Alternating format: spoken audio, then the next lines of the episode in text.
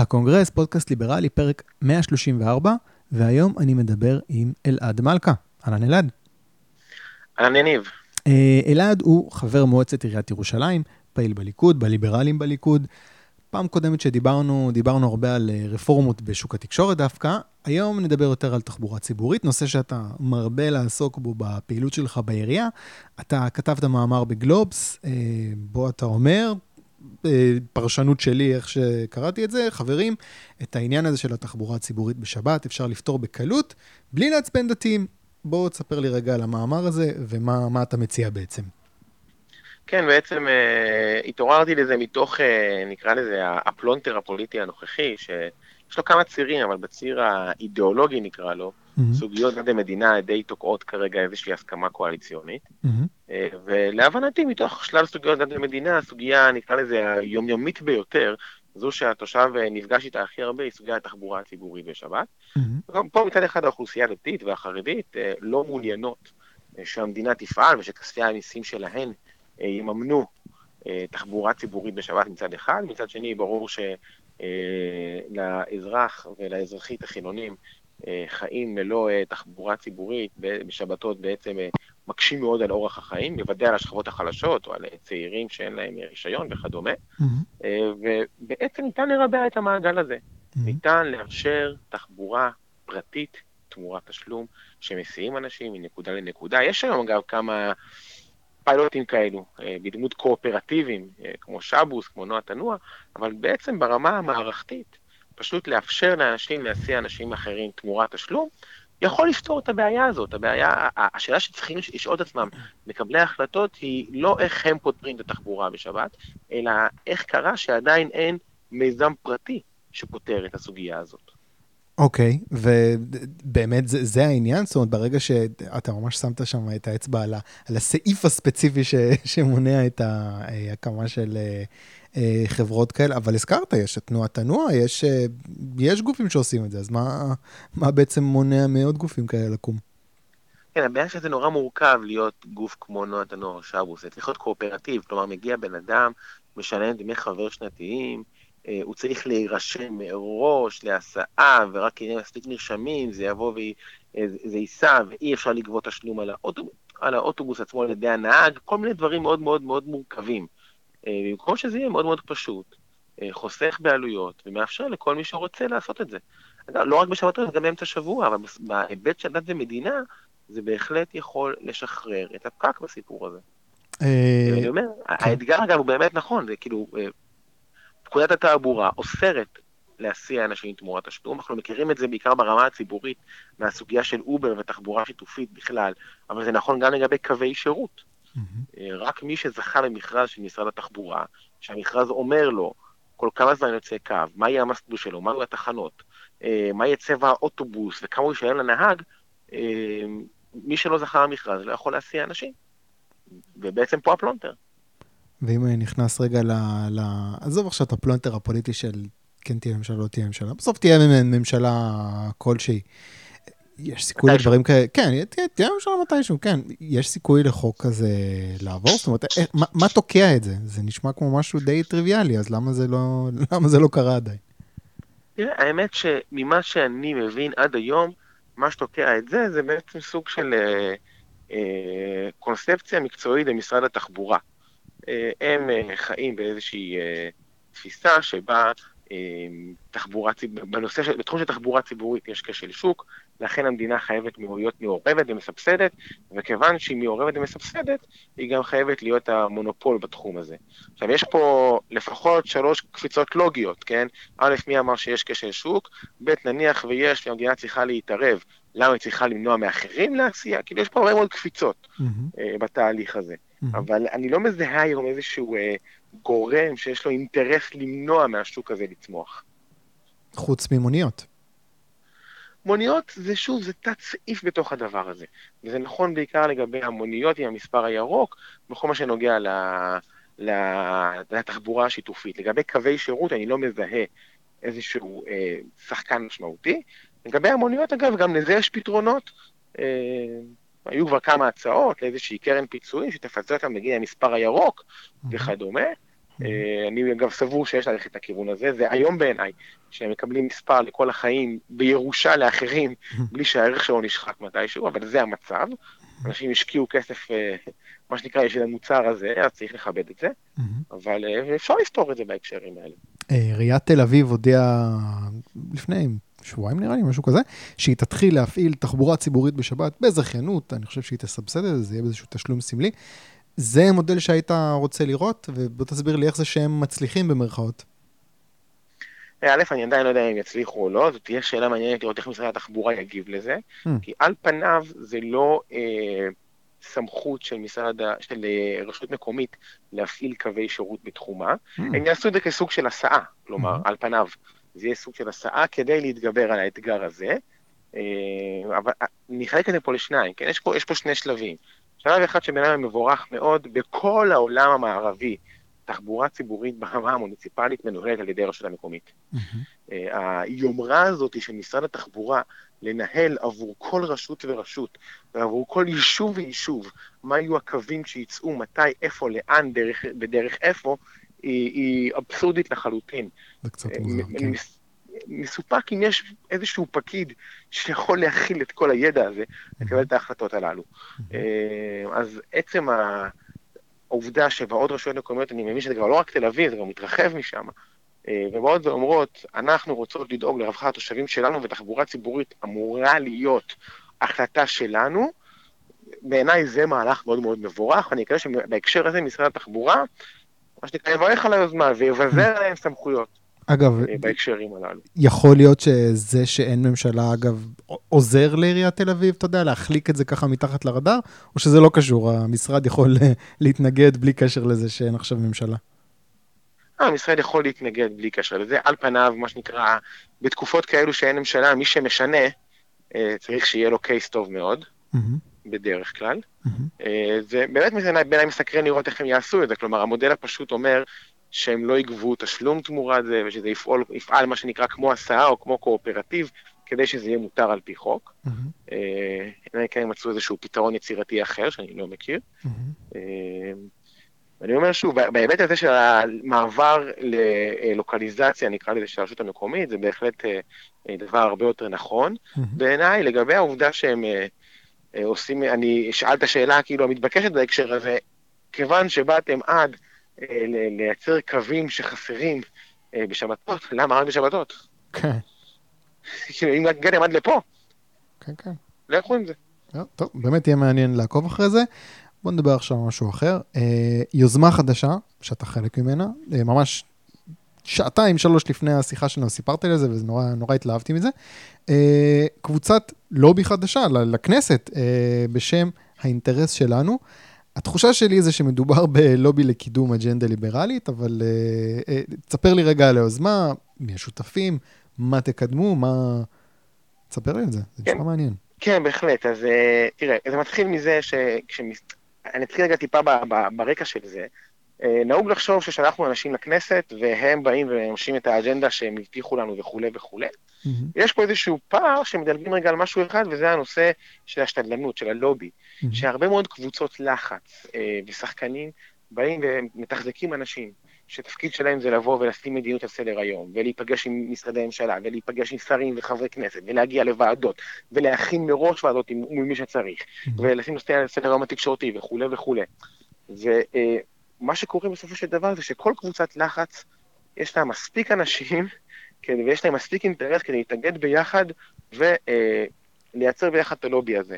אם זה קבוצות למיניהן שנהנות מנכסי מגן, אם זה גילדות מקצועיות, אם זה ארגוני עובדים, לכולם יש את האינטרס בסיפור הזה, וכולם, מה שנקרא, מגישים את החשבון בסוף החודש לאזרח הפשוט. שאין לו את האינטרס הרחב הזה שמאגד אותו עם אחרים כדי לשים את האינטרס שלו על השולחן. Mm-hmm. ואנחנו אומרים, אנחנו רוצים לשים את האינטרס שלנו, של הציבור הרחב, על השולחן. אנחנו רוצים לבוא ולהגיד, חבר'ה, כל ההטבות הסקטוריאליות וכל קבוצות הלחץ שדואגות לעצמן, יש מי שמשלם את המחיר, אנחנו משלמים אותו, הציבור הרחב, mm-hmm. ואנחנו באים ומבקשים בעצם מהציבור הרחב להיות uh, הלוביסטים שלו, להיות אלה שמייצגים אותו שם uh, מול כל ההחלטות הללו. Mm-hmm. אנחנו מתכננים בשלב הראשון uh, להתמקד בשלושה נושאים, בנושא תחבורה, אפרופו uh, שיחתנו כרגע, mm-hmm. שחרור שוק התחבורה אה, לתחרות ולאפשר הסעת אנשים תמורת תשלום וכדומה. מהמם. אה, זו נקודה אחת. נושא של שוק העבודה, בהחלט מאוד מעסיק אותנו. אה, והנושא השלישי זה נושא של נכסי מגן, אה, שאנחנו רוצים אה, כמובן להפחית ולהוריד אותם ולאפשר יותר יבוא אה, כדי אה, להעלות את רמת החיים פה. מהמם. אלה שלושת הנושאים המרכזיים. בהמשך הרעיון הוא שבעצם אה. אלו שיתרמו למיזם, אנחנו מעוניינים להיות מבוססים, אה, מימון המונים באופן תמידי, על ידי דמי מנוי חודשיים, מהמם. כדי שאנחנו... סטייל- אה, סטייל פטריון. כן, אפשר, יש כל מיני סטיילים כאלו, נכון, בהחלט, כי אנחנו באים ואומרים, אני, אני רוצה לוודא שהנושאים שאנחנו שמים על השולחן הם אכן חשובים לציבור הרחב, והדרך לוודא את זה, זה אם הציבור הרחב תורם את זה, תורם לשם. אה, ואנחנו אכן יוצאים אחרי, אחרי החג לקמפיין מימון המונים בהקשר הזה של דמי מנוי חודשיים. אה, והרעיון הוא בסופו של דבר, שבהמשך, האנשים שמשלמים את הכסף, את דמי המנוי החודשיים, יוכלו גם אה, להשפיע על הנושאים שבהם אנחנו נעסוק, ולכוון את פעילות הארגון. אמרת אבל כאילו זה דואגים לאינטרס של כולם, אז אה, מצוין, יבוא דב חנין אה, ויבוא, אתה יודע, אני, אני לא שמעתי משהו בתיאור של הקבוצה הזאת שצובע את זה באיזשהו צבע ליברלי, זה נשמע כאילו, אתה יודע, יכול להיות פתח לכניסה של כל מיני יוזמות אה, לא ליברליות בשם לדאוג לכולם, אתה יודע. לא, אנחנו, אז פה, פה אני יכול להרגיע, אנחנו אה, בסופו של דבר באים ומסתכלים על זה בצורה פשוטה. ככל שיש אה, אה, אינטרס רחב, הדרך הטובה ביותר לתת לו לבוא לידי ביטוי, לתת למנגנון שוק לעבוד. כשיש אינטרס רחב, השוק עובד, השוק מייצר את הפתרונות למה שאנשים צריכים. אה, ודווקא זה, זו התפיסה משם אנחנו מגיעים. אנחנו אה, באים ומדברים גם על, אה, כמו שאמרתי, רפורמה בשוק העבודה. אה, להפוך את חוקי העבודה לפחות דרקוניים ממה שהם היום, אם מדובר על הגבלת שביתה בשירותים החיוניים וכדומה. אה, מצד אחד, אנחנו מדברים על, כמו שאמרתי, פתיחת שוק התחבורה. אה, בשלב הראשון, לשחרר אותו לתחרות מלאה. מהמם. והדבר אה, הנוסף, כמו שאמרתי כרגע, זה עניין של נכסי מגן, שזה נושא מאוד מאוד רחב, אתה יודע, אפשר לבחור כל שוק ולמצוא בו את, אה, את נכסי המגן שלו וה, וה, וההשפעה שלהם. אה, בסדר, אבל אני אומר, זה, השלב הראשון. יהיה מאוד קשה לכוון את זה למקומות לא ליברליים, כיוון שהגרעין שבא ועובד ומייסד ומקים את הארגון הזה, זה אנשים שכולם אה, מאוד מזוהים עם האג'נדה הליברלית. אה, למי שמכיר, דוקטור אמציה סמכאי, עורך דין דורון נחמיה, עידן ארץ, ריקי ממן. אה, כולם, אני גאה להגיד. כולם היו בפודקאסט, אתם יכולים אה, לחפש אותם ולמצוא, ולהתרשם אה, אה, בעצמכם. אז יש לנו חותמת ליברלית מהפודקאסט. נכון. אגב, שלושה פה, של... אני עובר פה על השמות, שלושה אני לא מכיר, אני אשמח להכיר. את אה, ליאת נטוביץ', אה, קושיצקי, יהודה באום וניסים סלמה. סלמה, כן, סלמה. ניסים, אה, ניסים אה, גם אה, פעיל ליברלי, גם פעיל איתנו אה, בירושלים וגם בשלל אה, נושאים, נושאים אחרים. אה, יהודה באום גם כן, מי שמכיר ליאת נטוביץ' קושיצקי היא סגנית עורך בשילוח, מהמם. חוויית השילוח. אה, זו בעצם חבורת האנשים. אוקיי, בוא תספר לי, אבל אוקיי, יש פה חבורת אנשים שרוצים לקדם אג'נדה ליברלית. איך זה שאני שם כסף כל חודש, בעצם לאיזה פעילות זה מתרגם? בוא תסביר לי. אה, בואו נבחר לצורך העניין את נושא התחבורה, כמה שבו אנחנו עוסקים. מהמם. צריך לקחת את הדברים ברוח הדברים שדיברנו כאן, באיזשהו נייר מדיניות אה, רציני ומעוקצע, ולהתחיל לעבור על זה מול אה, משרד התחבורה, ולהתחיל לרתום לזה אנשי תקשורת שיבינו שכשהם באים ומסקרים זה הכיוון שצריך ללכת אליו. וצריך ללכת עם חברי כנסת ועם שר התחבורה הנוכחי או מי שלא יהיה הבא, ולעבוד גם מולו על פתרונות כאלה, ולהתחיל לשים איזושהי הצעת חוק או אה, רעיון מדיניות כזה או אחר, ולדחוף אותו בוועדות, ולדחוף אותו בדיונים, ולייצר לו איזשהו קמפיין תקשורתי מסביב. כל הדברים הללו זה זמן, כסף ומשאבים. אגב, זה הכל דברים שאתם תעשו, או שאתם תזכרו איזשהו אה, גוף אה, ש- שיעזור לכם? מה הכוונה? הרעיון, הרעיון הוא לעשות את הכל בעצמנו, הרעיון הוא לפתח את ההתמחות אה, בביצוע לובינג אצלנו בתוך הארגון. מהמם.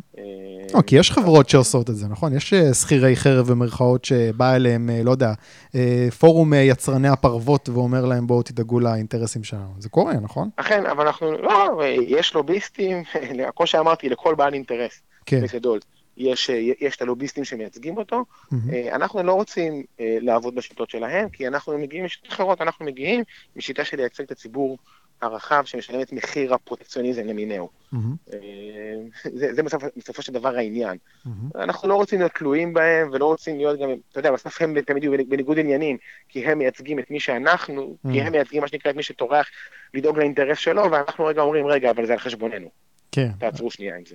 אוקיי, אני מבין.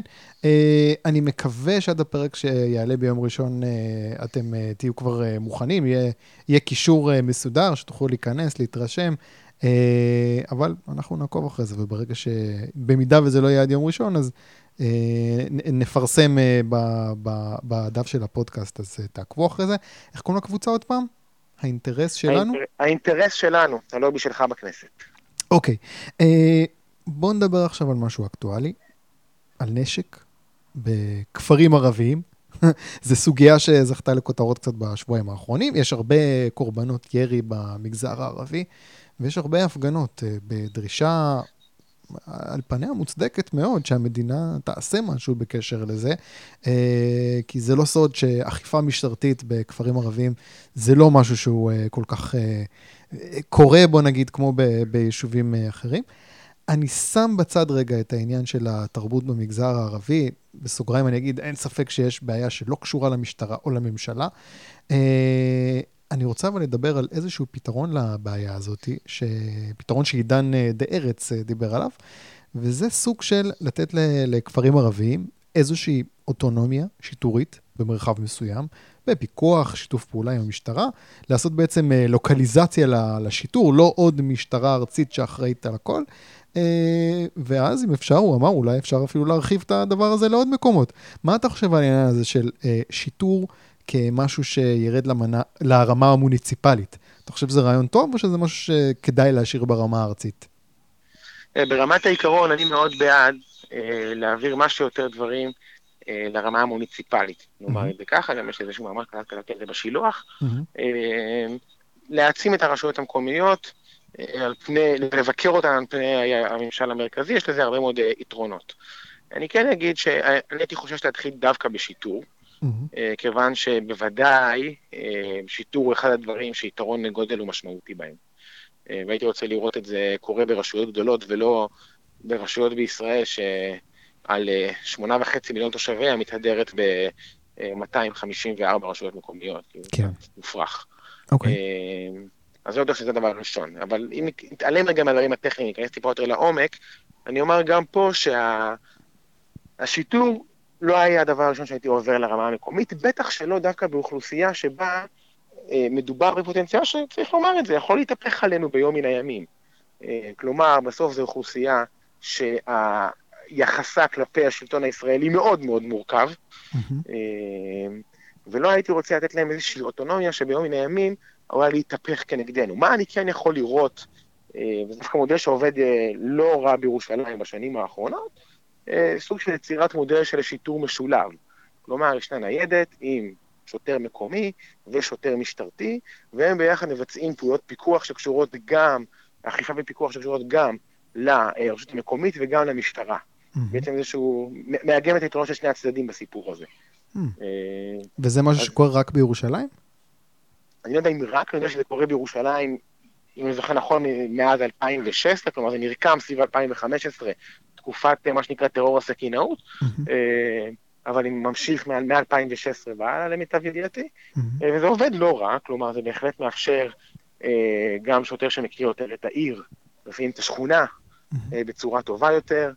אה, אני חושב שזו דרך נכונה לעבוד, ובוודאי שצריך לייצר יותר אמון בין המשטרה לבין האוכלוסייה הערבית, כדי שפעולות אכיפה יהיו, יהיו אפקטיביות. מהמם, בזה אין ספק. אני גם חושב שנכון לך, יש, שעת כושר בהקשר הזה.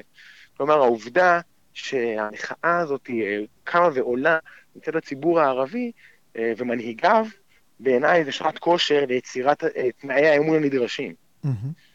אה, דווקא פה צריך לטעמי לאמץ את זה.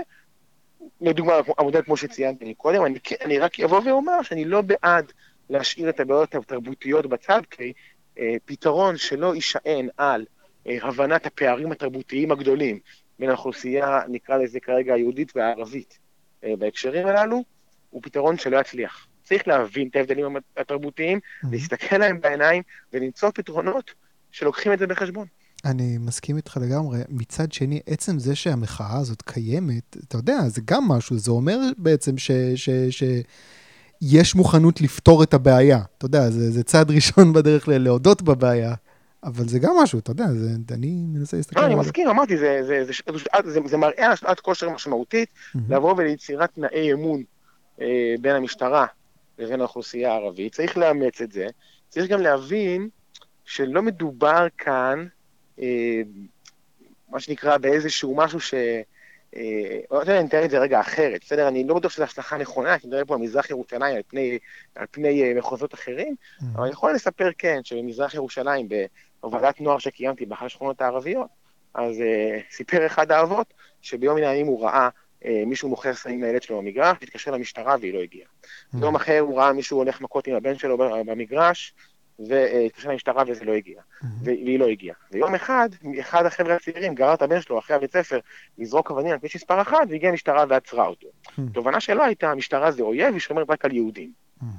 עכשיו, בדיוק הזה צריך להפר, כלומר, המשטרה היא שומרת על כל אזרחי ישראל, באשר הם, וצריך להתחיל להפנים את זה, שאומנם יש תרבות אלימה מאוד, לצערנו הרב, במגזר הערבי, אבל תפקידה של המשטרה הוא לדאוג שהתרבות הזאת תיעצר. ברמה הכי פשוטה שלה, והאינטרס של רוב הציבור הערבי היא שהיא תיעצר. גם הם לא מרוצים מהתרבות הזו. וואלה. וואלה, אני מקווה שזה ילך לכיוון הזה. נשמע כמו, זה באמת נשמע כמו משהו שלא רואה סיבה מי מהצדדים אה, יתנגד, לפחות להתחיל ללכת לכיוון פתרון כזה. בוא נדבר שנייה על הליברלים בליכוד. אני קראתי לפני כמה ימים סדרה של ציוצים אה, של אה, אורי כץ. Uh, הוא חוזר לשנות ה-80 לתוכנית uh, עיצוב המשק, הוא מדבר על זה, הוא חופר בכתבות uh, עיתון, הוא עושה איזשהו תחקיר לצורך מחקר שלו, והוא מדבר על uh, צעדים שנעשו במסגרת התוכנית הזאת, קיצוצים, רפורמות שנדרשו כדי להציל את המשק הישראלי מפשיטת רגל בתחילת שנות ה-80. Uh, שניים מהמתנגדים החריפים לתוכנית הזאת היו שניים מהליכוד, זו הייתה תקופה של ממשלת אחדות, ושניים מהליכוד דווקא, לכאורה המפלגה הליברלית יותר, אחד אה, דוד לוי ומשה, ואחד משה קצב, הם התנגדו לצעדים האלה מכל מיני סיבות uh, חברתיות נקרא לזה. לכאורה הדברים השתנו מאז, היום יש את הליברלים בליכוד, הליבר... הליכוד לכאורה יותר בעד כלכלה חופשית. אני תוהה עד כמה העניין הזה של uh, ליכוד שמייצג uh, uh, כלכלה חופשית, ליברלים בליכוד ש, שפועלים במסגרת הליכוד, כמה זה מייצג את קהל הבוחרים של הליכוד, כי ההרגשה שלי היא שהליברלים בליכוד קצת במלכוד. כי אם הם יצליחו יותר מדי בהכנסה של הרבה ליברלים לרשימה של הליכוד לכנסת, זה עלול להרחיק קהל מצביעי ליכוד, שבסך הכל צריך להגיד, כן רוצים שהמדינה תפתור את כל הבעיות, ותח, ותהיה אחראית על, על כל מה שקורה, על כל דבר שצריך לתקן, ותשפוך כסף איפה שיש אה, בעיות. אתה מסכים איתי שיש פה איזשהו מלכוד, שלליברלים אסור להצליח יותר מדי בליכוד? אני, אני לא מסכים, אני רק אחדד את זה מכמה כיוונים, אוקיי. Okay. אה, ברשותך. קדימה. אני אתחיל ב, ב, בתובנה, בתובנה הפשוטה רגע. אה, הליברלים בליכוד, אף פעם לא יהיו הדבר הבלעדי בתוך המפלגה. Mm-hmm. יהיו בה עוד פנים. אה, זה בסדר אגב, זה מפלגת שלטון, מפלגת שלטון היא לא רוצה להיות נוטה לצד אחד של המפה באופן מובהק, היא צריכה להיות משהו יחסית יותר מרכזי. Mm-hmm. התפקיד שלנו הוא תמיד למשוך אותה למקומות הנכונים, וגם לבחור מה שנקרא את, ה... את המאמצים שלנו, mm-hmm. מה המקומות החשובים ביותר שבהם צריך לפעול. זה צריך לומר, כלומר, לא לך את הליכוד מפרסם מצע נוסח זהות. זה בסדר אגב, לא, לא, אנחנו גם לא... לא מתיימרים ש, שנצליח להגיע לשם. Mm-hmm. אם נצליח, אז כנראה שנסיים מתחת אחוז החסימה, זה לא המטרה. Mm-hmm. זה, זה נקודה ראשונה. נקודה שנייה שאני אבוא ואגיד, המדד שלנו להצלחה ואי הצלחה היא לא רק אה, מספר חברי הכנסת שאנחנו מצליחים להכניס, היא הרבה פעמים באה לידי ביטוי בשיח. שרווח בתוך המפלגה. אנחנו צריכים להכניס, אם אני יכול לספר, שבהרבה מאוד נושאים, בתוך המפלגה היום, השיח של שוק חופשי הוא ברור מאליו. אז אם הוא מתממש או לא מתממש, אני אומר, אני אומר כל הזמן, השיח בתוך חברי המפלגה, הוא גם מאוד ברור, מבינים ששם צריך ללכת בהרבה דברים. Mm-hmm. שוק התקשורת זה דבר מאוד מאוד בולט בתחומים האלה, כן. אבל לא רק, יש גם נושאים אחרים שמבינים את זה, ובאים ואומרים, יאללה חבר'ה, אנחנו רוצים שוק חופשי בדברים האלה, ברור שזה מה שיפתור.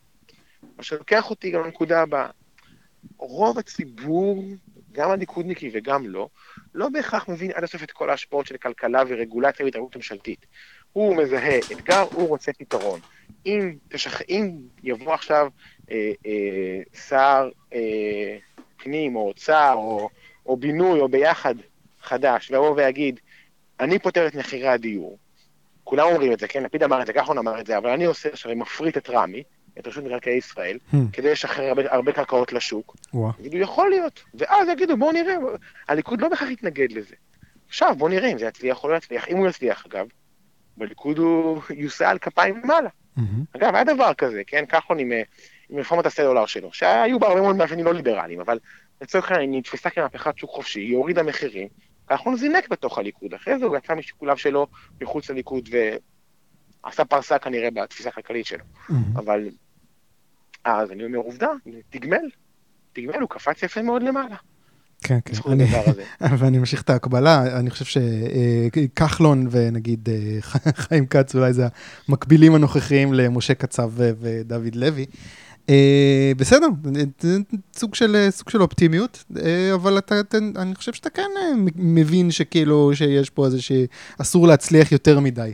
אוקיי, אני... לא, אני, אני רק אני אסייג את זה בעוד סיוג. אוקיי. לפני שנתיים עברה החלטה במרכז הליכוד, או שנה ומשהו, במרכז הליכוד, על החלת הריב, החוק ה, הישראלי על, רחבי יהודה ושומרון. ואז אתם גם שומעים עכשיו את ההכרזה של נתניהו על הבקעה וכולי. עכשיו אני אומר, זה דבר שקרה בשנים, שנים של מאמץ מצד קבוצות ההתיישבות, שלמיטב הבנתי התחילו את עיקר המאמצים שלהם אחרי התפקוד ב-2005. כלומר, אנחנו מדברים על בערך 12-13 שנה של עבודה, mm-hmm. מבחינתם, כדי להצליח לבוא ולעשות את זה. עכשיו, בגלל שזה היה הדרגתי, בגלל שזה היה נכון, בגלל שזה היה לאט-לאט, בגלל שזה היה עם שיח ציבורי, זה לא גרם לזה שהליכוד איבד המון מנדטים או המון תומכים בעקבות הצעדים הללו. ההפך הוא הנכון.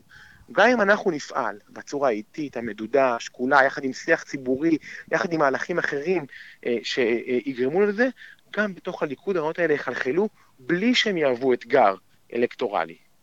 וזאת המשימה שלנו. אוקיי, okay. בהצלחה במשימה הזאת.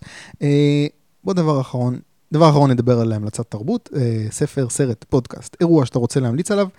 אם לא חשבת על משהו עדיין, וגם אם כן חשבת, אני אתן לך רגע אה, לחשוב, ואמליץ על פודקאסט של קונן אובריין, שנקרא Conan O'Brien Needs a Friend. אה, אפשר למצוא את זה באפליקציות אה, פודקאסטים אה, נבחרות, אני אשים קישור. אה, מאוד פשוט, הוא יושב ומדבר עם celebrities, אנשים מצחיקים כמו דיינה קרווי והאוורד סטרן ובוב ניוהארט וביל בר, מי שהשמות האלה אומרים לו, אומרים לו משהו ו- ואוהב את ההומור שלהם, כדאי, זה שיחות ממש טובות, עמוקות, אה, לפעמים קצת עצובות באופן אה, מפתיע. אה, אחלה אחלה פודקאסט, אה, מומלץ למי שאוהב את ההומור של קונן אובריין ואת האנשים שציינתי, יש שם עוד הרבה שמות, טינה פיי, אה, לא זוכר מי עוד, אבל זה הסגנון. אה, אלעד, מה ההמלצה שלך? אה, ההמלצה שלי תהיה, אני חושב שהיא קצת בנאלית בפודקאסט הזה, אבל אני אגיד אותה בכל זאת, עימות בין השקפות של אה, תומאס סול. אה, זאת תהיה ההמלצה שלי. לאחרונה עשיתי עליו איזושהי קריאה באחת השבתות, ומצאתי אותו, נראה לי מצליח עם סכין מאוד מאוד, מאוד, מאוד חדה, להעביר קו מדויק בין הרבה מאוד מחלוקות, נקרא לזה בין פרוגרסיביים לליברלים קלאסיים, או יותר נכון בין פרוגרסיביים לשמרנים. אה, על ידי אותו קו, אותו תפיס, אותה, אותה תפיסה, תפיסה אה, מדויקת של איך לנתח את המציאות ואיך להתייחס אליה. אה, ממליץ בחום.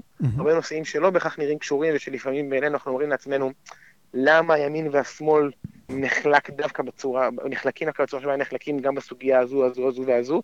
זה לא חייב להיות ככה, והוא מסביר אולי בסכין טיפה יותר חדה למה, למה זה קורה. למה דווקא בדברים האלה יש, יש איזשהו חוט ששוזר את כל המחלוקות הללו דרך אותן, אה, אותן הבחנות ותפיסות עולם על המציאות. אה, מומלץ, לטעמי. אוקיי, okay, אז עימות בין השקפות של תומאס סול, זו המלצה שלך והמלצה שלי, קורן בריין needs a friend, פודקאסט. אלעד מלכה, תודה רבה רבה רבה. תודה רבה יניב, תודה רבה לכולם. וניפגש בשבוע הבא עם עוד ליברל.